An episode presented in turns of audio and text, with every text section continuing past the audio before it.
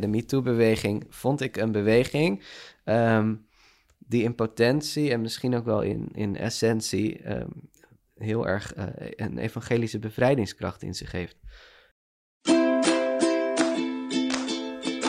Je luistert naar de Niet Zo Perfecte podcast. De podcast waarin ik, Eline Hogeboom, soms alleen, soms samen met een gast, praat over een bezield en vervuld leven, ondanks dat het leven niet altijd perfect is. Want uit eigen ervaring weet ik dat dat kan. En ik praat er ook graag over met mensen die eerlijk hun verhaal delen, omdat ik geloof in de kracht van verhalen. Van harte welkom, leuk dat je luistert.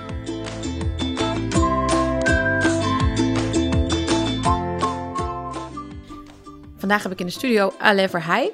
Uh, hij is 32 jaar, theoloog en publicist. Hij geeft twee boeken waarin hij de Bijbelverhalen koppelt aan onze vragen in het nu.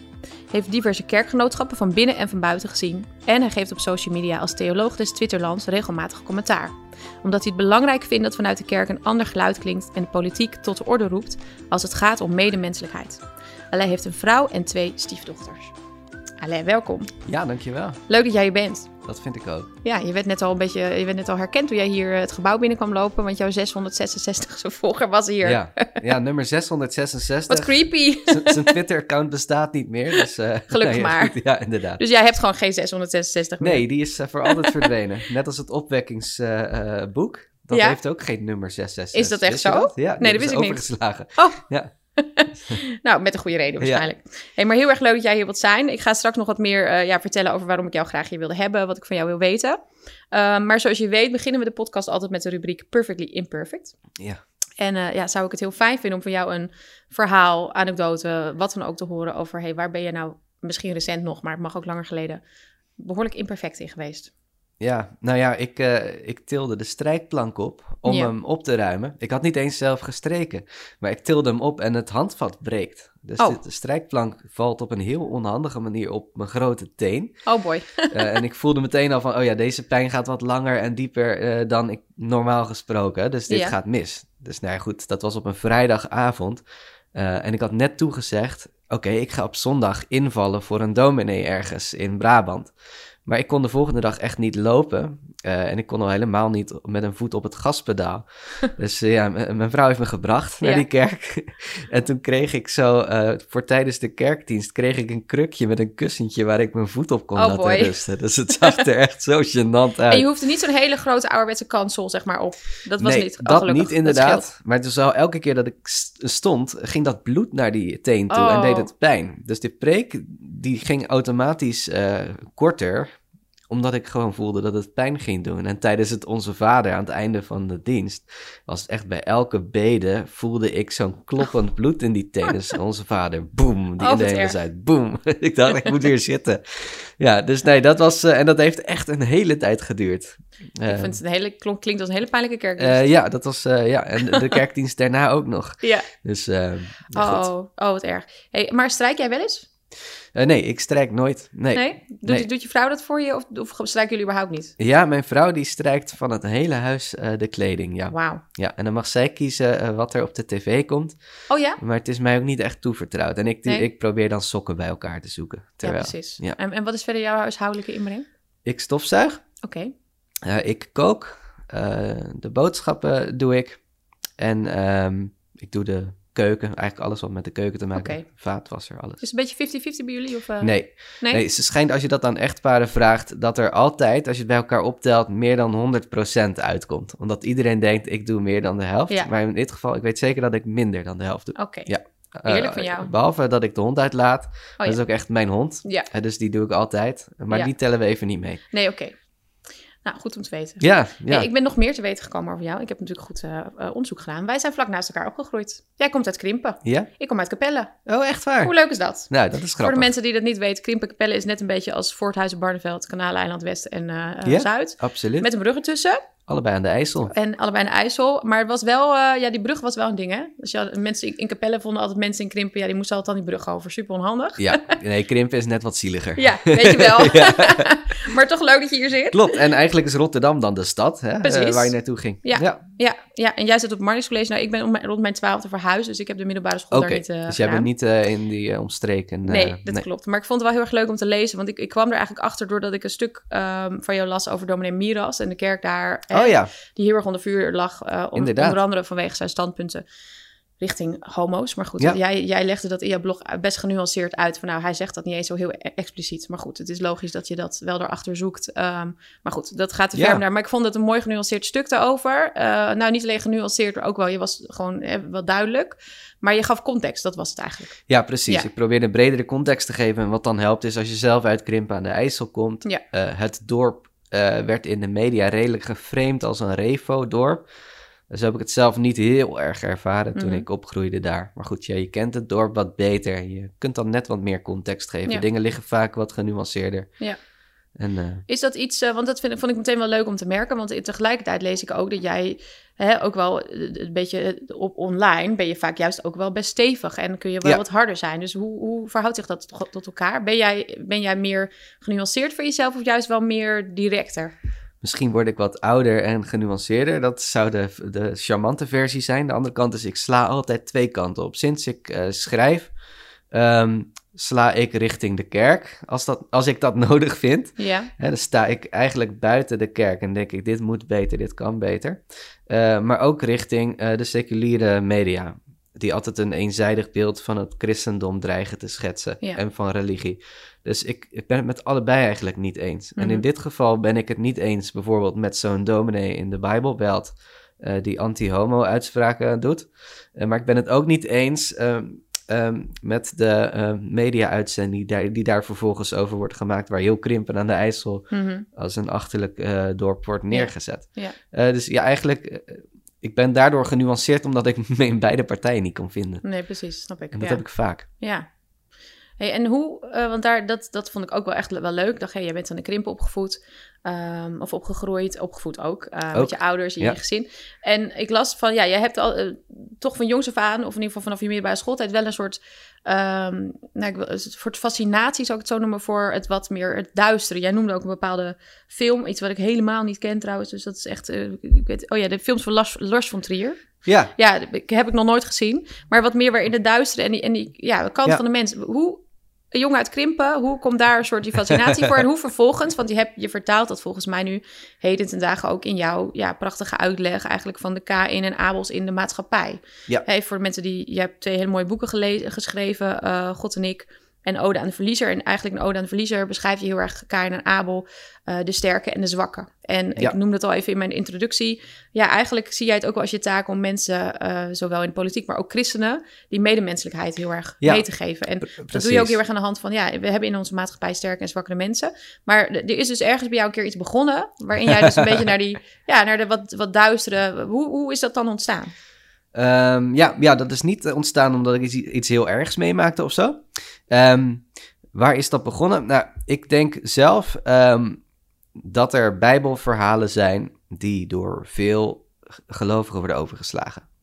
En dat is een heel groot stuk in de Bijbel. Alle Bijbelverhalen waar geweld in voorkomt, bijvoorbeeld op een heftige manier, en wreedheid en waar mensen elkaar van alles aandoen, dat is niet veel good. En gelovigen, maar ook dominees slaan het graag over. Ehm, en ik vond het een soort uitdaging om juist in die verhalen te duiken. Eh, mede omdat ik denk, ehm, de Bijbel wordt wel eens een, een sprookjesboek genoemd. Hè, door, eh, door mensen die daar Mhm. de spot mee drijven. En alsof je in een, in een fijn sprookjesbos woont. Nou zijn sprookjes ook veel vreder dan je denkt. Mhm. Er zit ook altijd een wolf en een heks in. Precies, ja. Eh, maar die moeten we niet wegdenken, niet uit de Bijbel, want dan lijkt de Bijbel niet meer op het leven. Ja, het echte leven is geen sprookje, Eh, alleen eh, misschien sommige Instagram-accounts. Maar je weet allemaal in wat voor levens die accounts worden gemaakt. Mhm. Dus er is nou eenmaal eh, shit. Er is lelijkheid, mensen doen elkaar dingen aan. En ik dacht, als je die verhalen overslaat, mis je een stuk van de werkelijkheid. En dan wordt de Bijbel een verkeerd soort sprookjesboek. Dus dat heb ik eigenlijk als een soort missie gezien. Niet bang zijn om erin te duiken. Want er is geen Bijbelverhaal zo gewelddadig of we zijn zelf eh, net zo erg als mensheid. En dat helpt denk ik wel Ja. eh, om de Bijbel bij je eh, dagelijks leven, bij de realiteit te trekken. Ja. En ja, goed, ehm, ik krijg wel eens dan bij eh, in clubjes in de kerk kritiek van, joh, moet je dat Oude, Test- het Oude Testament waarin je bent gespecialiseerd, moet je dat nou wel eh, zo vaak lezen? Is dat niet veel te gewelddadig en de knappe jongeren op af? En dan zeg ik, Hmm. ja, jongeren kijken naar Game of Thrones, Ja. eh, waar ledematen worden afgehakt. Ja. Je kunt maar beter wel eh, het hele verhaal vertellen, Ja. want we kunnen er best mee omgaan. Ja. Omdat Omdat we het heel kennen. realistisch. Ja. ja. En volgens mij signaleer jij ook eh, ja, in onze maatschappij heel erg dat eh, de kloof, de- dat zie ik zelf ook, die kloof tussen die verliezer en die sterker, sterke, of ja, ik vind Ja. verliezer eigenlijk, eh, de zwakke en de sterke misschien is dat een betere Ja. omschrijving, ehm, dat die steeds groter wordt. Ja, dat denk ik wel, eh, inderdaad. Ehm, alsof de inzet hoger wordt en ehm, het succes wat je kunt boeken is steeds groter. Eh, en als er dan zo'n crisis komt in de maatschappij, bijvoorbeeld een coronacrisis, Mhm. dan zie je ook ineens heel duidelijk wie kunnen daar geld aan verdienen. Ja, Eh, wie waren er al sterk? Nou ja, alle miljardairs zijn bijvoorbeeld rijker geworden. Hè? Dus Ja. de top 100, geloof ik, van de wereld is eh, rijker geworden tijdens de coronacrisis. En intussen weet je ook welke groepen ehm, er hebben verloren. ja, Dat zijn de mensen in wijken waar je geen afstand kunt houden. Mhm. En mensen die geen dag werk konden missen omdat ze dagloners Ja. zijn. door Ja. je goede informatie niet tot zich gekregen. Precies. Ja, Ja. Nou ja, en vul maar aan. Ja. En Ik, ik las laatst ook, dat heb je vast ook wel eh, eh, gezien, twee, twee dingen die, waar ik aan moest denken toen ik jouw eh, verhalen las.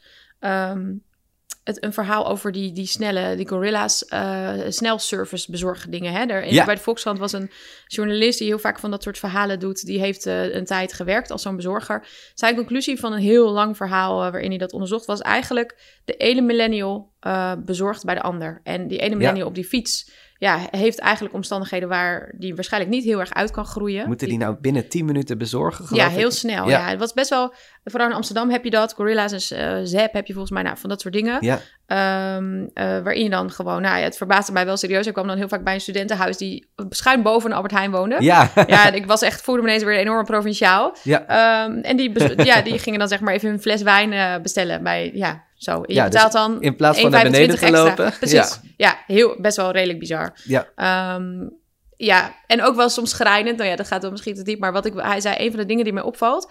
is dat mensen gewoon... wat ik heb aangetroffen als de deur opendeed... vrouwen in string, eh, snap je? Ja. Ze deden niet eens moeite om überhaupt... ze zagen mij niet eens als bezorger. Nee, hij was Dat geen vond ik best mens. wel schokkend. Nee, Ja. hij was geen mens. Nee, Ja. en hij sprak dus ook wel medebezorgers die zeiden... Oh, nou ja, zo is het gewoon. En die s'avonds zelf ook dan wel, zeg maar, bestelden bij dezelfde service. Ja, Maar eh, dat was de nuance in het verhaal. ja, dat was wel de nuance. Dat zij zelf eigenlijk zeiden, oh ja, nou, dit is toch gewoon zo, weet je wel. Ehm, maar ik vond het wel opvallend dat hij ja, dat wel heel erg benoemde van... En, en een week later stond er een column van Julian uh, Althuisjes over uh, huizen kopen. Hè, dat Ja. hij uh, op een terrasje zat, net een huis bezichtigd... waar hij geen mogelijkheid kans op zou maken met weet ik hoeveel bieders. En er komt een leeftijdsgenoot die ongeveer dezelfde werk als hij heeft... Ja. en die gaat een huis van een miljoen bezichtigen... want ja, heeft andere kansen weet ik het. Ja, en dat ligt aan wat en voor die kloof, ouders je had. Precies, dat ook. Ja, en uh, nou ja, dus dat, dat raakte mij wel. Dat, dat lees je natuurlijk steeds meer ook over, ook tussen de millennials Ja. zelf. Um, Ja. Wordt de kloof groter. En ik, ik las ook dat jij bezig bent met een boek ook hè, over economie of geld. Of, Klopt, ja. of vertel ik Ehm, nu iets? Mag, is dat nog Nee een hoor, geheim? dat, dat, eh, ja, eh, geld en goed of Ja. geld en God. eh, Ja. eh, dat is de werktitel in ieder geval.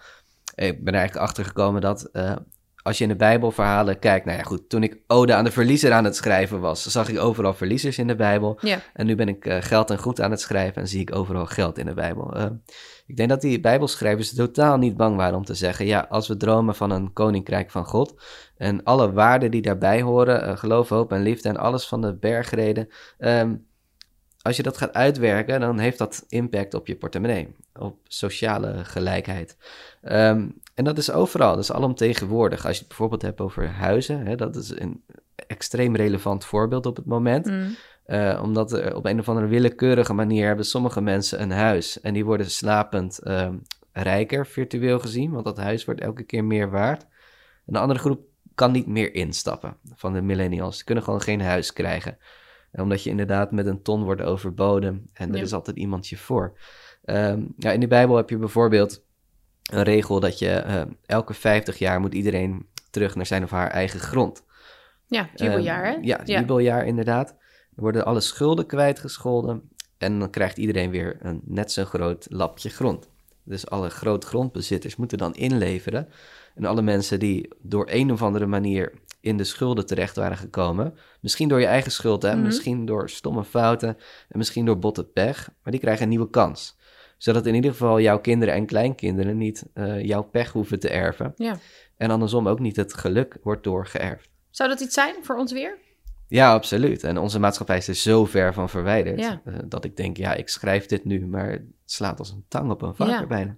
Maar, maar ook even gewoon naar mezelf kijkend. En ik, dat zul jij ook herkennen, want ik denk dat jij in die zin ook wel aan de ja, goede kant, zeg maar, eh, financieel zit. Maar ehm, hoe dan? Hè? Hoe, eh, Ja. als je zelf erin zit, merk ik zelf ook wel ehm, eh, dat het soms ook zo, ook al ben je je bewust, dat het soms ook zo ingewikkeld is om ehm, eruit te komen. Of om te zeggen, ja, maar ik, hoe kan ik dan die kloof verkleinen? Jij, jij noemt ook ergens als voorbeeld in jouw boek Salomo.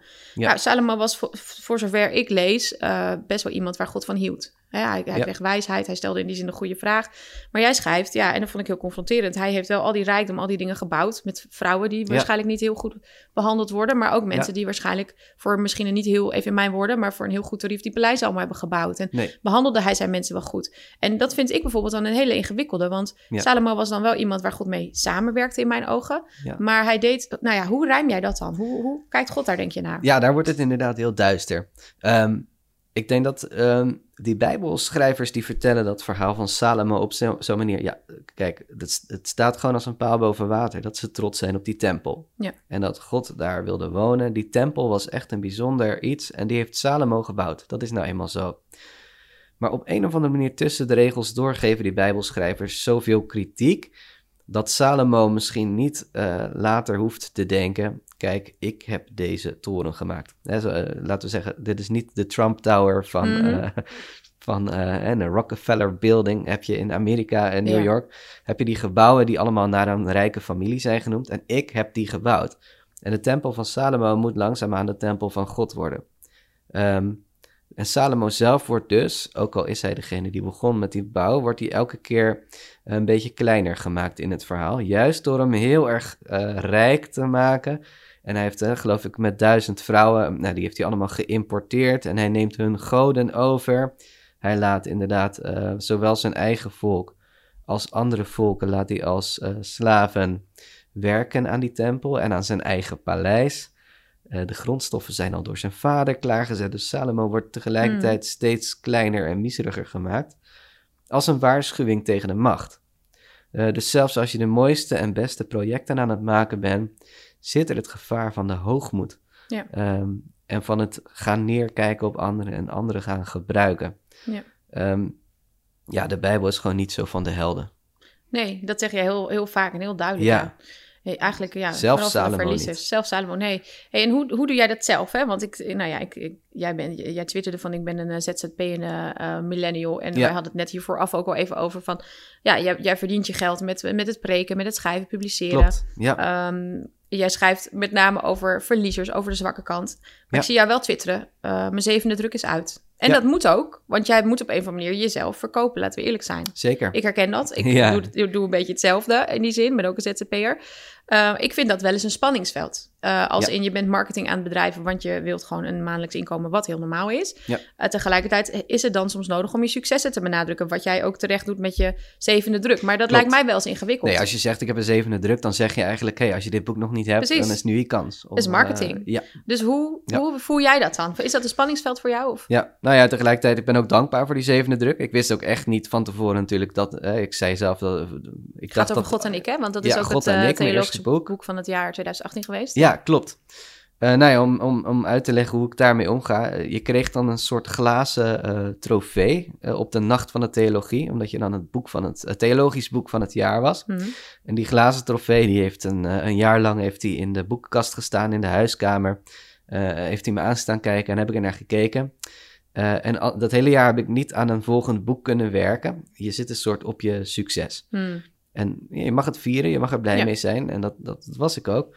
Eh, en na een jaar ehm, ehm, eh, heb ik hem in de glasbak gegooid. Ja, sorry voor de organisatie.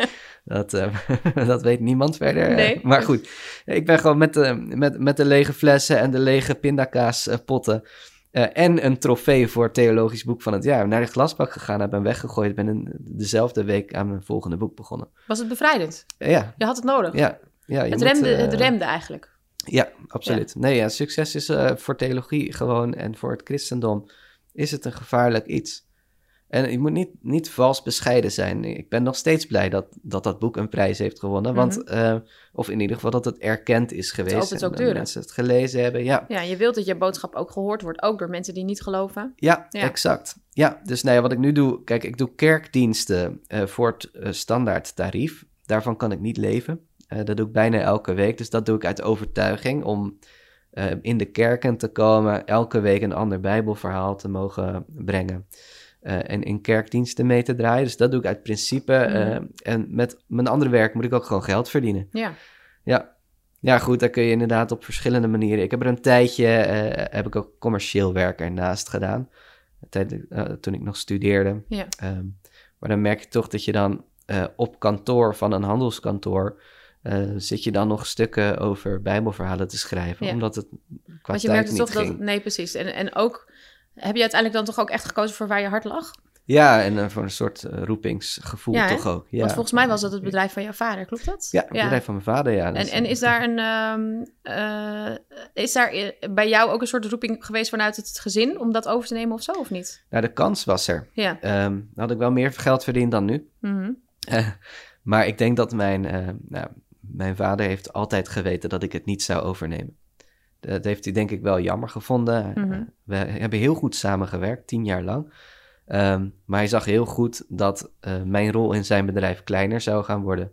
eh, en mijn rol in- eh, als theoloog gro- groter. En dat Ja. heeft hij altijd ondersteund en daar zijn ze trots op en blij mee. Ik denk eerlijk gezegd dat ze het ook fijner vinden. dat- Zo. Ja.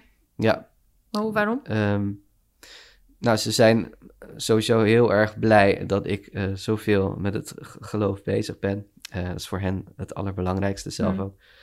En ja, ik heb mijn vader van jongs af aan ook wel s'nachts zien doorwerken. Mm. En zorgen zien hebben, ook tijdens de vakantie. Ja. eh, om klanten, om leveranciers, Ja, ja. om leveringen. Ik dacht, ja, dat, dat ga ik niet. Dat wil je niet. Nee, Die zorgen ga ik niet overnemen. nee precies. Ja. ja. Ja, zijn je ouders trots op je? Laten ze dat merken op een andere Ja, ik kom uit echt een eh, erg warm nest. Dat is, eh, ook dat is geluk. Ja, Ehm, maar dat zet je wel nogal op een goed spoor richting de toekomst. ja, Want ik merk aan mezelf dat ik niet zo makkelijk eh, door mijn psychische bodem zak. Als Hmm. er veel tegenslag is, veel erge dingen zijn, ja, dan heb ik een soort vangnet. ja. Ook als dat niet letterlijk mijn ouders zijn, is het wel een goede jeugd. Een mentaal vangnet ja. ook, wat sterk is geworden. Ja, En dat is erg waardevol. Ja, zeker ja. Ja. Dat is ook al een, een uitgangspositie die heel veel mensen niet hebben. Dat klopt, ja. Dus wat dat betreft is dat in- inderdaad, en daar ben ik me heel erg van bewust. En je ziet het ook bij andere mensen, Ja, of ze dat wel of niet hebben. ja, precies. Ja. Ik heb ook gelezen dat jij eh, op het moment dat jij, jij bent op je 25e gescheiden, Ja. dat jij toen ook weer ja, bij je ouders bent teruggekomen. Dus Ja. ik kan me ook heel goed voorstellen dat je ehm, ja, toen ook letterlijk dat vangnet dus even hebt gehad en weer terug mocht komen. Zeker. Voelde jij je toen een verliezer? Ja, Ja? ja, ja, absoluut. Ja. Ik weet niet of het heel erg met schaamte te maken had. ehm, maar eh, ja, nou, ik had niet verwacht dat het mij zou overkomen. Mhm. Het was voor mij echt eh, eh, een absolute shock. Want echtscheiding was iets van, wat, ja, dat overkomt andere mensen. Hm. En daar zal waarschijnlijk, eh, en daar valt het woord maakbaarheid, wat heel belangrijk is, denk ik, voor deze podcast Mhm. ook. Eh, het maakbaarheidsgeloof van, oh ja, als je ervoor werkt, als je je best doet en als je niet wil scheiden, dan ga je ook niet uit elkaar. Die illusie heb ik, denk ik, onbewust wel gekoesterd. Want ik weet nog het moment dat ik voor het eerst het woord echtscheiding moest googelen. Hmm. Eh, en eh, ook echt voor mezelf, om te kijken waar moet ik in de hemelsnaam beginnen als, als, als je gaat scheiden. Ja. Waar Gewoon moet je- praktisch ook Ja, waar Ja. moet je heen? Eh, Ja. Wat voor manieren van scheiden zijn er? Wat zijn de regels? En hoe, hoe gaat dit? Ehm, ja, dat was een verschrikkelijk moment. Ja, Ja, dat was absoluut een, een verliezer. Ja, dat, dat heb ik wel echt zo ervaren. ja. En was jij tot, had jij tot dan toe toch dan het idee dat dingen wel maakbaar waren? Meer dan je dacht? Meer dan ik dacht, inderdaad. Ja, en daar eh, heb ik me steeds meer van moeten bekeren. Ik weet niet of je dat zelf herkent ook, dat je denkt van...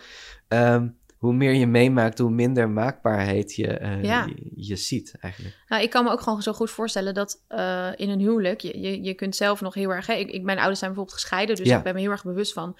ehm, Van die Onze kwetsbaarheid. valkuilen. Ja, Ja. van hé, hey, dit is een, bijvoorbeeld een verschil tussen ons. Ja. Dus dit wil ik, daar wil ik in de gaten blijven houden dat het geen valkuil wordt, zeg maar. Ja. Ehm, maar hij is er ook. Hij zegt dat minder bewust. Dus ik kan wel heel hard werken en zeggen: Schat, om de vijf jaar gaan we dit doen. En snap Oh je ja, dat? En dan gaat hij ook in precies. mee. Ja. Eh, maar hij is er ook. En dat vind ik wel ook het spannende van een huwelijk. Dat je Ja. uiteindelijk nooit helemaal 100%, hè, je vertrouwt de ander wel, Ja. maar je toch niet 100% er invloed op hebt. Nee, en dus dat is je hebt niet alleen geen in een huwelijk. Nee, precies. Ja, dus eh, nee, je bent er met z'n tweeën bij. Ja. Maar er zijn ook andere. Hè. Er zijn bijvoorbeeld eh, er zijn kinderen, er zijn andere mensen om je heen. Ehm, het doet nogal wat als je ziek wordt, bijvoorbeeld. Ja, ja er zijn dingen ehm, die moeten je gegeven worden. En ik denk dat, eh, dat, dat dit er wel één van is. Ja. En dan, valt, ja, dan heb je het over genade. Mhm. Eh, de meest waardevolle dingen in het leven zijn denk ik genade. Het zijn gaven die je niet kunt forceren. Mhm. Betekent niet dat je helemaal niks voor je huwelijk moet doen. Ehm, maar betekent wel dat je afhankelijk daarin bent. Ja. En dat is een heel eng idee. Ja, en Ja. dat betekent wel heel erg overgave. En eh, Ja, ja, ik zie het ook altijd gewoon als een soort meebewegen op golven. Als, op het moment dat je, Ja. dat je uit je handen wordt geslagen op dingen. Ja, dan kun je niet anders dan... Je kun je proberen tegen te verzetten. Dat is mijn neiging dan nog wel eens om te willen fixen. ja precies. Maar dan is het toch ook meebewegen en kijken waar, ja, waar die golven je, je brengen. En op een gegeven moment wel hopen het stuur van je bootje zeg maar, vast te pakken. Ja, Maar ja, het is, ja dat, dat is uiteindelijk het, het anti-maakbare, denk ik, wat we dan kunnen doen. ja, inderdaad. Maar in jouw beeld is het ook zo dat dat bootje gaat, eh, gaat op en neer. En Ja. daar doe je niks aan. Eh, je kunt alleen misschien oppassen dat je niet uit het bootje slaat, inderdaad. Ja. Ja. Ja. Ja, dat lijkt me heel, eh, eh, ja, heel intens. En hoe, eh, want ik heb wel ook gelezen, vond ik ook mooi, dat je toch een soort keuze hebt gemaakt. Ik ga niet de geloof in de liefde, ga ik niet verliezen. En lukte, Ja. Ik neem aan dat het niet meteen lukte. Of, of is dat toch wel... Vrij snel. Ik was romantischer dan ik dacht. Ik was Ja. eigenlijk vlak eh, voor die tijd ging het ook niet zo goed met mijn geloof. Of eigenlijk helemaal niet goed met mijn geloof. Ik was theologiestudent. En theologiestudenten die verliezen allemaal Dat hoor je vaak. vroeg of laat hun Ja. geloof een tijdje. eh, of voor altijd Ja. eh, of een tijdje. Ja, je, alles wordt bevraagd wat je, wat je leerde. En dat vinden docenten op zich ook wel leuk. om, om aan je zekerheden te morrelen. Maar het gebeurde me gewoon. En, en alles wat ik geloofde ging even op losse schroeven. En op dat moment ehm, dat die echtscheiding plaatsvond... was mijn geloof al ongeveer op, op het dieptepunt.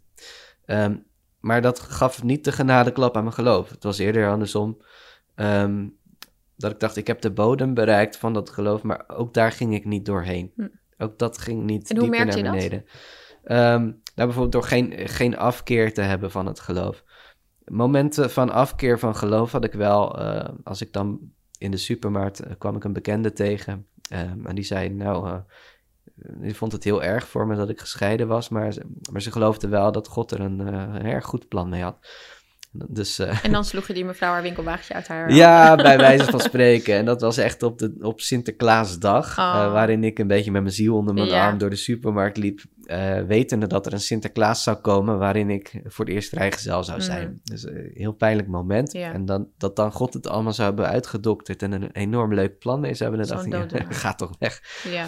Dus dat, eh, oké. maar Mhm. voor mezelf heb ik er... Nee, dat, dat ging toch wel weer... Ik dacht, nou ja, eh, het evangelie... Als je het helemaal droog kookt, dat hele evangelie... dan heeft het toch te maken met een nieuw leven door de dood heen. Mhm.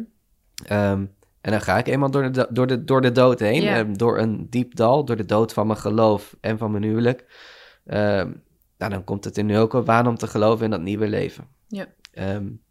En, ben was dat, want dit klinkt dan een beetje rationeel. Ja, ik heb ook gelezen dat jij Ja. vindt dat, dat het vragen naar jouw persoonlijke geloofsleven, dat is een beetje als vragen naar je seksleven. Nou, dat weet Ja. ik niet. Maar ik het wel naar je persoonlijk. Ik vind Ja. het toch wel mooi. En je bent nu al persoonlijker dan ik veel heb, dan ik je bijna heb gelezen. Ja, precies. Dus, maar het klinkt nog wel rationeel. Dus het klinkt nog wel Ja. van ja, nee, dan kies ik toch voor het leven. Maar hoe voel je dat? Eh, ja, bij mij zit het denk ik dat, dat rationele. eh, dus wat ik, er, wat ik verbaal geloof, hè, dus wat ik zeg, wat ik schrijf, dat zit ook diep in mijn hart en ziel. Mhm. Eh, dan komt er alleen altijd verbaal uit. Dus er komen bij mij nooit ongefilterde kreten uit. Het is Mhm. altijd in volzinnen. Ja. Maar ik meen het wel met, met hart en ziel. Dus Dus je ik heb voelde dat... nieuwe leven ergens wel in je. Maar was het Ja, dan het vertrouwen soort- daarop. Ja, dus toch Eh, een soort van hoop wat- wat er dan kwam. ja. Of een soort... Ja. En ook wel romantiek, van toch weigeren om, eh, om, dat, om, om het donkere wereldbeeld te laten overheersen. Want we hebben het al een paar keer over gehad en net dat ik ook die duistere bijbelverhalen Mhm. wel opzoek. Maar dat is alleen maar om, dat, om het licht scherper te kunnen zien. Ja. Niet omdat ik het zo lekker vind in het donker. Ehm, ik denk alleen dat het licht er mooier uitkomt Ja. eh, als contrast. Dus dat bleef, ja, dat, dat bleef. Ja. Je hebt veel mensen die zich na een echtscheiding niet meer willen binden, Mhm. bijvoorbeeld. Eh, ik heb ook veel vrienden die na hun eerste of tweede geloofscrisis op een gegeven moment dachten: ik vertrouw mijn eigen gelovigheid niet meer. Mm. Ehm, hè, wat ik hierna ook nog ga geloven, ik zal het altijd met een korrel zout nemen, want volgend jaar geloof ik weer wat anders. Ja. ben ik het weer kwijt. Dat heb ik allebei niet gehad. Nee. Ehm, En zie je dat dan als genade? Of hoe zie Ja. je dat? Ja. ja, dat Iets wat je uiteindelijk genade. gegeven wordt waar je misschien geen invloed op hebt. Ja, dat klopt, want ik zie het anderen door de vingers glippen. Ja. En ehm, ik wil niet te stoer over doen alsof ik het sterkste geloof van allemaal heb. Hmm. Maar juist door dat eh, worstelen ermee en de, de pijn die ook er nog zit uit het verleden, zowel op het gebied van de liefde. eh, mijn huidige vrouw heeft ook een echtscheiding al achter de rug, dus dat herkennen we bij elkaar. Ja. Eh, maar ook op het gebied van geloof. veel omzwervingen meegemaakt op dat gebied. Mhm. En denken, nou ja, God, en- God en ik hebben niet altijd een liefdesrelatie ook Nee. gehad. Nee. Eh, het, boek heet God en ik, hè. Ja. Eh, het is ook een beetje een haat-liefde relatie. Ja. Maar daarin dan toch eh, zien dat die relatie zoveel waard is, Ja. dat ik hem niet verwacht kwijt te raken. En jij hebt het over jouw boek en wat mij opviel, je ziet het ook, ik heb hier ik heb een paar blauwe post-itjes Ja. erin. Ik wil ook even één ding noemen wat mij denk ik in het boek het meest heeft geraakt. Dat is, eh, ehm, gaat over het avondmaal. Je eindigt in beide boeken eigenlijk met Jezus sterven en opstanding. Ja. Ehm, en dan, eh, het valt mij sowieso op in jouw boek dat je herhaaldelijk heb je het over in de Bijbel, hè, je duidt aan de Bijbelverhalen, heb je het ook regelmatig dus over, nou, dit zou in onze tijd wel echt een MeToo zijn. Of Ja. dit was duidelijk een geval eh, zonder consent. Of Ja. je bent je heel erg bewust van de positie van de vrouw ook in de Bijbel. En dat, dat vind ik heel sterk. Deborah beschrijf je heel... ja, Deborah is het, hè? Ja, die Deborah, beschrijf jij heel, heel krachtig. En dat Ja. vond ik heel erg mooi om te lezen. Maar het viel mij echt op. Eh, misschien omdat, omdat het, eh, eh, nou ja, iets is wat mij dan, dan... Wat iets bij mij raakt. Maar ik denk echt wel dat het opvallend is voor Dat een man heel erg bewust. hoe jij daar bewust van bent. Ja, Ja, en ehm, dat vond ik heel erg mooi om te lezen. Deed mij goed, want juist als man dat je dat oogpunt niet verliest of zelfs bewust in het oog hebt.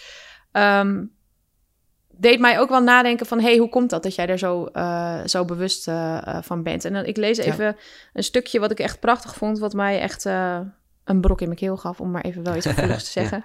Ehm, dit, het gaat over het avondmaal en hoe jij dat dan bedient. Ik probeer ook het brood zo hoorbaar mogelijk te breken en kruimelig te scheuren, zodat alle aanwezigen kunnen zien hoe morsig mensen met elkaars lichamen kunnen omgaan. Vond, die raakte mij heel erg. Ja. En dat heeft alles ook zeker met mijn achtergrond te maken, maar ook in wat ik zie. Ja. Ehm, nou, ik wil daar niet te veel nu over zeggen, want ik wil jou daar graag over horen. Maar ehm, is dit, dit is iets wat jij bewust doet, waar jij je ook bewust van bent. Dat op het gebied van lichamelijkheid, van seksualiteit, dat daar volgens mij veel gebrokenheid is. En Ja. ehm, hoe komt dat, dat jij je daar zo bewust van bent? Eh, ja, daar, dat is natuurlijk een thema wat ook steeds meer naar de oppervlakte komt. Eh, ik denk dat er een, een soort nieuwe feministische golf bezig is. Ehm, en dat er in de kerk op alle feministische golven over het algemeen te terughoudend is gereageerd. Mhm. Omdat het ook, hè, als het evangelie bevrijding is, dan moet je misschien eens kijken of die bevrijding eh, voor vrouwen ook specifiek een andere kleur krijgt. Eh, en in dit geval, ehm, nou ja, de MeToo-beweging vond ik een beweging ehm, die in potentie en misschien ook wel in, in essentie heel erg eh, een evangelische bevrijdingskracht in zich heeft. Ehm, en het moet niet alleen slachtoffers eh, bevrijden, dat ze gezien worden en dat ze erkend worden. En in het geval van het avondmaal, hè, wat je nu zegt, morsig omgaan ehm, met andermans lichamen, wordt eigenlijk centraal gesteld in dat ritueel. En in het paasverhaal, hè, waar Mhm. Jezus aan het kruis hangt en ook echt eh, op alle mo- mogelijke manieren wordt misbruikt eigenlijk. Ehm, en dat is daar heel belangrijk. En, slachtoffer, eh, en, en daders moeten ook bevrijd worden van hun eh, verkeerde kijk naar de medemens. Ja. Die ook een verkeerde kijk naar zichzelf is. Ja. Ja. ja, wat mooi. Zou jij jezelf een feminist noemen? Eh, dat heb ik wel vaak gedaan, maar ik vind dat als je dat als man doet, val je al gauw door de mand, denk ik. Dus ik doe dat steeds voorzichtiger. Net Ja. als het woord christen noemen, Mhm. dan noem je jezelf naar Christus. Eh, en dan word je langs een hogere lat gelegd. Dus ik probeer het te zijn en ik probeer ook feminist te zijn. Eh, ik vind het heel belangrijk eh, dat in de Bijbelverhalen, ik vertel heel veel Bijbelverhalen, ik vind het extreem belangrijk dat de vrouwen die daarin voorkomen, die al zo hard hebben moeten vechten om überhaupt in de Bijbel genoemd te worden. Het is Mhm. een mannenboek uit een mannencultuur. Mhm. Ehm, valt mij nu zo op, hè. Wij- Mijn dochter is drie vandaag geworden. En, oh, eh, gefeliciteerd. Ja, bedankt. Leuk. maar dat, zij, dat alle kinderbijbels, dat, dat Ja. frustreert mij mateloos. Dat zijn alleen maar mannenverhalen. Ja, Dat, dat Noach en alle stereotypes. allemaal zo'n witte dan- baard, hè? Ja, en zij Ja. kreeg dit weekend dan de ark van Noach. En oké, dat verhaal. Ja, natuurlijk kent ze dat verhaal. Dat kent ze al sinds ze zes maanden ongeveer is. Want dat is het Dat die En dat is ook prachtig, snap ik ook wel. Maar ik mis zo erg eh, ja, dat, dat ook van jongs af aan voor meisjes al gewoon die vrouwenverhalen worden gedeeld. En dat doe ik dus bewust wel zelf. Maar in die kinderbijbel staat het gewoon niet. Nee, want Noach had ook een vrouw en, eh, Precies. en schoondochters had Ja, ja, het viel ons dus op in de Playmobil Ark heeft die vrouw een broek aan. Dus dat vond ik dan best wel Oh, oké, dus dat is dan wel een soort Dat was heel praktisch ingericht. Ja, Wat ik begrijp op de Ark, hè, een beetje tochtig en zo. Maar ja, nee, grappig. ja. ja, precies. Oké, hier misschien vind ik iets feministisch in deze Ark, ja. Ja, Nee, maar dat is wel. heel typisch. Ja, dat dat het vanuit sowieso vanuit. Nou ja, ik heb bijvoorbeeld de Bellenbijbel gemaakt een jaren terug. En daar hebben we ontzettend gezocht naar de rol Ja. van de vrouw. En hoe, hoe vertellen we dit goed. En, maar ja, het valt mij ook in de kerk op dat het daar gewoon heel weinig over gaat. Over Ja. nou, die bevrijding ook die jij noemt. Of het, ja, het feministische. Of ook het oog hebben wat jij ook doet. Van ja, maar er was ook gewoon zo waanzinnig veel misbruik. En hoe er naar lichamen van vrouwen werd gekeken. Was gewoon echt niet, ja, niet In feite deugde waarschijnlijk vrijwel geen enkel huwelijk of eh, seksuele Nee. relatie in de Bijbelverhalen. ehm, vanuit onze huidige blik. Ja, Eh, en dat is toch, dat was heel weinig ernstig. consent in ja, allerlei opzichten. Precies. Nee, ja. je werd uitgehuwelijkt. Ehm, precies. En eh, ja, bijvoorbeeld David en Bathsheba is zo'n verhaal eh, dat vaak op, op een bepaalde manier wordt gebracht alsof er enige romantiek in zat. Maar het Mm. was gewoon een koning die daar een onderdaan zag Ja. en haar liet brengen. Ook al Ja. was ze getrouwd met een ander. Ja, afschuwelijk. Ja, en dat viel mij op. Jij, jij, eh, jij zegt wel van, ik zie mezelf wel een beetje als profeet Nathan, hè, die, die ja, in, in de Bijbel op verschillende momenten, maar juist op dat moment, bij David en Ja. Moet hij die boodschap aan David brengen, hè, van dit is, dit is je straf. Dat Ja. is de, daar Nathan zijn, zijn taak, Klopt. toch? Ja, dat is Nathan's rol inderdaad. en ja. dat is natuurlijk, eh, dat gaat ook weer over ja, een, een hele grote zonde. Nou ja, niet alleen seksueel gezien, maar hè, er, er is moord en van allerlei eh, zondes worden daar begaan. Ja. Zie, is, dat, denk je, is, is dat denk je een beetje de essentie van wat jij ziet als jouw rol in onze maatschappij? Ja, dus ik heb op een gegeven moment ontdekt, eh, ehm, ik, ik zat op een domineesopleiding. En wat een dominee moet doen, is mensen bij elkaar houden, eh zielzorgen. Hè? Dus als je je dan te hard uitspreekt tegen dit of tegen dat, dan heb je verdrietige, teleurgestelde of boze gemeenteleden in de week daarna. Hm. En je moet eh, een groep bij elkaar houden en je moet mensen eh, hun relatie met God goed houden en voor gewonde zielen zorgen. Dat is heel mooi. Dat is wat, eh, misschien wat de priester moest doen Mhm. in, in die Hebreeuwse tijd. Mensen bij God brengen en een beetje voor de gemeenschap zorgen. Maar je had ook profeten. Eh, en een profeet, eh, die heeft gewoon een grote bek. Die scheldt, gebruikt echt grove taal. De Bijbel staat vol met mensen, met Mhm. profeten, die, die de rijken en de misbruikers en de mishandelaars en de dieven Ja, eh, verrot schelden. ja. Ehm, niet dat ik dat zo leuk vind, maar het is wel Nee. zo dat als je een klein beetje afstand houdt en kijkt naar wat zijn we met z'n allen aan het doen, Ja. wat vinden we normaal in de kerk en in de maatschappij, dat er dan mensen nodig zijn met een grote bek. En vindt dat gehoor? Ehm, ja, dat vindt altijd wel gehoor. Ook niet altijd op de goede manier. Ehm, kijk, we, we hadden het voordat we hieraan begonnen nog even over Twitter. Ehm, wij kennen elkaar ook via internet, Ja. hè? uiteindelijk echt al lang geleden. Ja. Maar Twitter is ook een, een plek geworden waar elke dag wel een groep boos is op een andere groep of op een, Mm. een individu. En vaak begint die woede terecht, eh, maar het kan in een heksenjacht eindigen. Ehm, dus ja, als ik iets boos zeg, dan kan het zijn dat er een hele meute met me meeloopt en ook net zo boos wordt. En dat ik Ja. denk, oh wacht even, misschien heb ik nu juist weer een soort wraakoefening gestart. Mm, dat was ja. niet het idee. Nee. Dus, nee, dat is continu afwegen in Ja. hoe fel en hoe hard je bent. Nou, ik vraag het ook omdat ik ergens las, en dat raakte mij echt wel heel erg. Ehm, een vriend of iemand die jij kent had een onderzoek gedaan naar dat wij als westerse mens 1,8 eh, FTE aan ehm, ja, mensen in dienst hebben van die onder niet goede omstandigheden werken. Ja. Even, zeg ik het zo goed? Wat ik, Jij zegt ja. het helemaal goed. En toen zei jij, dit vonden wij zelf heel schokkend. Ik ook. Ja. Ik ben me daar ook van bewust. Ik koop mijn kleren bijvoorbeeld niet nieuw. Hè, dus ik Precies. probeer ik naar te leven. Ehm, imperfect, zeg ik er meteen even bij. Ja, het, het lukt Ehm, niet, maar- hè, maar inderdaad. ja, maar dat vond ik echt 1,8 FTE van mensen die Ja. daar in een ander land, eh, waarschijnlijk in, in India of in... Ja, hè, dus eh, niet voor, je, westerse voor landen. ons aan het werk zijn. En, Ja. Maar dat ging in de media niet, ja, dat werd niet opgepikt. Nee, Terwijl nee, ik dan me goed kan voorstellen, jij ook, dat je denkt, ja, maar dit is toch, hier moeten we toch wat mee? dit is schokkend nieuws. Ja. eh, maar we zijn er zo aan gewend. Ehm, ja, dus het zijn eigenlijk, ja, je zou bijna kunnen zeggen, twee fulltime eh, slaven. Zo eh, Ja. hebben wij het. eh, als Precies, we, die hebben wij eigenlijk in dienst, maar dan Ja, ver af. Daar, als daar we komt ons het op niet neer. zacht uitdrukken, zeggen we dat. Ja. Ja, ver af, dat zien we niet. Maar ja, goed, in Bangladesh zit iemand sokken te maken. Ja. Diegene wordt niet goed betaald, hij heeft geen uitzicht op een pensioen of op een zelfstandig bestaan. eh, en, en maakt mijn sokken. Ja. En dan ergens anders wordt mijn elektronica gemaakt met Ja. giftige chemicaliën. Of moet iemand in een mijn werken om mijn PlayStation onderdelen te bezorgen. Precies, ja. Eh, ja, nee, dat is heel schokkend. En inderdaad, er is moeilijk eh media-aandacht voor te krijgen. ja. Het wordt gelijk dood genuanceerd. In de eerste plaats door economen. Mhm. Die vriend van mij, dat is Paul Schendeling en Matthias Oldhaar, twee economen.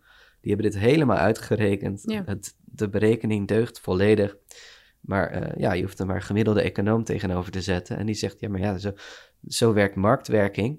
Eh, en mensen in die landen die worden toch eh, uiteindelijk heel blij als ze een baan hebben. Precies, dat wordt er altijd Ja. gezegd. Maar hoe zie jij dat dan? Het zorgt voor de Ja, werkgelegenheid. precies. Ja, want anders hebben ze helemaal niks meer, Ja. wordt er dan gezegd. Ja, maar dan ben je dus de machthebber. Dus dan ben Ja. jij degene die zegt, nou, Die jij hebt of een slecht betaalde baan of je hebt niks. Ja. En dat is geen verhouding die je moet Nee. willen hebben. Dus als we het dan hebben over slavernij, ja, ehm, er is een heel goed gesprek op gang over slavernij uit koloniale tijd. Dat is heel Mhm. belangrijk. Eh, in de kerken hebben we het minstens één keer per jaar over slavernij in de Bijbel. Het verhaal van Mozes en de farao. En dan wijzen we met ons vingertje, mag niet, moet niet kunnen. Eh, maar we hebben onze eigen slaven hebben we gewoon in hun eigen Ja. land gehouden, Ja. eh, zodat ik ze niet hoef En dan te kopen zien. wij kleding van, ja, of Ja. andere dingen. Ja, ook heel stom hoor, maar eh, ik ben me dan heel bewust van mijn kleding. Maar wij hadden dit weekend over dat we toch wel heel graag zo'n stofzuigertje willen die dan de hele dag een beetje rondgaat. Snap je? Een robot. Lijkt me echt fantastisch. Ja, Ja, ja. Tot ik ineens jou, dit las van jou en toen dacht ik, ja, maar zo'n ding wordt ook natuurlijk helemaal waarschijnlijk niet gewoon. Ik moet Ja. me daar ook in verdiepen. Dus er zijn nog zoveel aankopen die ik toch ongedacht doe, waarvan ik denk, eh, ja, waarbij ik dus niet nadenk. Snap Ja. je? Dus dat, ja, het is zo goed om wel die eye-openers te horen. Maar ja, ik denk een van de, van de belangrijkste dingen ook die jij schrijft. eh, tenminste, ja, ja, denk ik dat ik, ik vond dat het raakte mij, maar ik denk ook dat het heel belangrijk is. Eh, even weer terug naar Kain en Abel. Ehm Kain slaat Abel in elkaar dood. Ja. En jij zegt dan, daar druipt bloed. Maar Ja. bloed hoor je niet druipen. Nee. Ja, dat vond ik echt een hele... En dat geldt denk ik ook voor dit. Ja. Ehm, als het te ver weg is, Ja. of te ver weg, terwijl ik, ik vind eigenlijk dat we dat niet meer kunnen zeggen, want we weten echt donders goed wat er gaande is. Ja. Ehm, maar dan toch, als het niet, niet dichtbij genoeg is, of blijkbaar ons niet genoeg raakt in onze eigen, of juist te veel raakt in onze portemonnee, maar niet genoeg in onze eigen levens, dan ehm, hebben we toch de neiging om het, maar, om het niet te horen. En Nee. dit zeg ik ook tegen mezelf. Ja, nee, ik ook. Hè. Eh, ik bedoel, ja, eh, not so en waarschijnlijk ook perfect. tegen jou, Eh, ja. ik, en eh, en dat, vind, dat blijft toch, ja, dat vind ik wel echt schokkend. ja, er, er zijn echt veel meer slachtoffers eh, dan we willen weten en dan we Ja. willen zien. Ja. En ehm, ja, wat doe je eraan? Ja, precies. Dat, misschien is dat mooi om, om meteen... eh, hè, mijn laatste rubriek is eh, om het echt nog praktisch te maken. Wat is een praktische levensles? Nou, misschien kunnen we die wel hierop betrekken. Want dat is ook wel iets wat ik ook belangrijk vind om... ehm, om tegelijkertijd ook weer mee te geven. Niet als nuance, maar ook in dit verhaal, in het goede willen doen, Ja. kan de lat ook zo hoog liggen. Ja. En weet ik ook dat mensen daarvan kunnen denken, ja, pff, maar dat plastic van mij, wat draagt het bij? Of snap je dat? Nou ja, en dat zeker. gevoel wil je dus wil ik ook niet geven of mee. Dus wat heel concreet, eh, ook als je kijkt naar Karin en Abel, naar de sterke en de zwakke. Hoe, hoe kunnen we het doen? Wat, wat is voor jou daarbij helpend? Ja, ja nou ja, precies. Ehm, toen ik Ode aan de Verliezer schreef, dacht ik, ik, ik haal veel uit naar de K-ins, naar de sterke, naar de Ja. succesvolle, naar degene die slachtoffers maken. Vervolgens krijg ik heel veel e-mails van mensen die zichzelf een Abel noemen. En met recht, want ik doe thuis pleegzorg, ehm, ik heb een chronische ziekte. Allemaal een beetje onzichtbare dingen die de tijd en de energie van mensen afslurpen. Dus er zijn veel meer Abels op Ja. de wereld. Ehm, en juist diegenen proberen het dan heel goed te doen en proberen hun leven te beteren. Inderdaad, zo ver mogelijk inkopen of alleen naar tweedehands, eh, ecologisch goed leven. Ehm, maar je kunt zelf in de tussentijd ook nogal een, eh, een abel zijn. Eh, ik denk dus dat er moet een zekere ontspanning zijn. Er is veel dat niet hoeft. Dat is volgens mij de titel van een boek Ja, van Thomas, Ja, Thomas Thomas Schöden. is Schöden, dat. ja.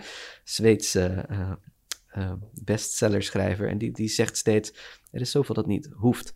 Ehm, je hoeft niet perfect te zijn. Eh, ga maar gewoon je eerste stappen doen op, op een goed pad. En je komt vanzelf ergens terecht. Ja. Voor je het weet ben je een heel stuk aan het hobbelen. Maar dat gaat stapje voor stapje. Er is ook heel veel wat niet hoeft. Je hoeft geen schijn eh, op te houden. Je kunt mij mailen dat je heel erg lijdt onder eh, iets wat niemand ziet. Maar waarom zou je het niet laten zien aan anderen? Ehm, en qua er is heel veel wat niet hoeft. Je hoeft ook geen succes te hebben over de rug van Hmm. andere mensen. Ja. Ehm, ik hoef heel veel dingen niet te kopen die ik wel zou willen kopen. En dat scheelt volgens mij al het allermeeste. ja. eh, als Precies, het gaat over- consumeren. Ja. Ja. En is het uiteindelijk ook niet net als wa- waar we het net ook al wel over hadden, ook in het geval van bijvoorbeeld je succes willen laten zien, omdat je ook, hè, het is, het, dingen zijn ook, het is eigenlijk ook balanceren op, op een soort lijn. Zo zie ik dat vaak wel een beetje voor me, als een soort, eh, ja, acrobaat, die, die, die, ja, die- dat je continu aan het afwegen bent, zet ik deze stap wel of niet? Of, Ja. hè, en eh, soms zet je gewoon een paar stappen en dan kijk je terug en denk je, oh, had misschien anders gemoeten. Of, maar daar mag denk ik ook wel een bepaalde, nou, Henry Nouwen heeft ook altijd het voorbeeld van acrobaat, hè, van het ja, het vangnet wat uiteindelijk genade is. Dat, dat Ja. je ook, als je dan van die lijn afvalt, dan, dan is er ook genade. Ja. Zonder het te zoet te willen maken. En want ik geloof echt wel in de radicaliteit die jij ook, ook preekt daarin. Ja, precies. Uh, maar ik denk dat, dat het toch, ja, het voelt voor mij wel vaak zo. Is een soort balanceren van, doe ik dit dan wel of niet? Ja. Ga ik in tegen mijn eigen natuur? Ga ik wel die stofzuiger doen of toch niet? Ja, Ja. snap je? Het zijn kleine dingen soms, maar Ja. ook wel daarmee soms groot. Ja, maar genade is de grond overal onder. En dat is heel belangrijk inderdaad. Want eh, als je activisme zonder genade hebt... en dan val je vroeg of laat toch om... en dan denk je dat alles van jou afhing. En dan... Ja, Ja, maar dan wordt het wel heel groot. Ja, dan wordt alles te groot inderdaad. De genade is het allerbelangrijkste. En dat je bestaansrecht hebt, hoe dan ook. Niet onderhandelbaar. Dat is de basis onder al mijn werk. Ik kan heel hard uithalen als theoloog, heel profetisch doen, maar de basis eronder. Hè, Nathan gaat boos naar koning David toe, scheldt hem eh, de huid vol. Maar de basis is wel dat koning eh, David een geliefde eh, koning naar Gods hart is. Ja. En die twee kunnen bij elkaar bestaan. Ja. Ik kan keihard falen en toch geliefd zijn. Nou, want David is daarin ook wel echt een voorbeeld, hè? Ja, in, in nogal. Hoe, hoe hij Ja. toch zo'n grote rol speelt en zijn, eh, al zijn, zijn ups en downs, en, Ja. eh, maar toch geliefd blijft, ondanks alles. Ja. ja. Zeker. Is dit een goede afsluiter of is het te lief? Wil je nog even iets pittigs zeggen? Nee, ik denk dat eh, laten we hem inderdaad voor Ja? deze podcast gewoon. We Ja, houden het bij David en bij Nathan. ja, weet Hey. dat je geliefd bent. Dat Ja. is eh, de onderliggende basis. Ja. Precies. hey, dankjewel Alain. Dankjewel. Thanks.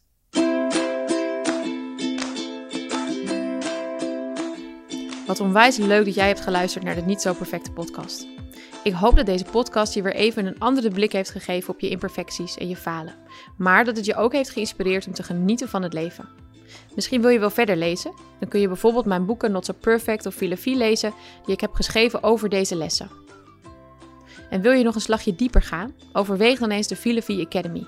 Dit is een intensief programma van drie maanden waarin ik je leer hoe je ermee omgaat als het leven niet zo loopt als je had gedacht.